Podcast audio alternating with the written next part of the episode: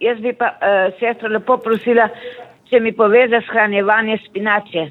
Ja, gledajte, vi špinačo rahlo blanširate, se pravi, dajte jo v vrelo vodo, pa samo da prevre, premešajte enkrat, dvakrat, pa pride že do vrenja, je že tako upadla, ste, ste takoj videla, kako je hitro mehka, bi rekla, in jo takoj poberite ali pa vse odcedite. Zdaj, če nimate še ponovno kuhanja špinače, vse od nacedilo in takoj preškropite, pošpricajte z mrzlo vodo.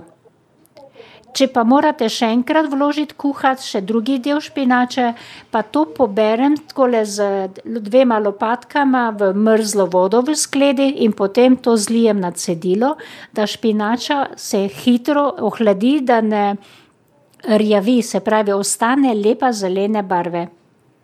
No, in potem lepo cejeno, ohlajeno.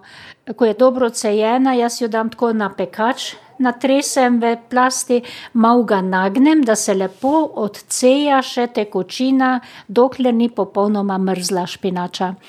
Pol jo lahko tudi pomiksate si, pa daste v posodice za kakšno omako, za juho, za kak nadev mogoče, pa v skrinjo, ali pa celo vložite v, lahko vrečice, vakuumsko pakirate in jih potem si spravite tudi v skrinjo, ki jo imate za tudi kakšno prilogo, za kasneje miksate mogoče, ko vam je zmanjkalo že miksanja in podobno.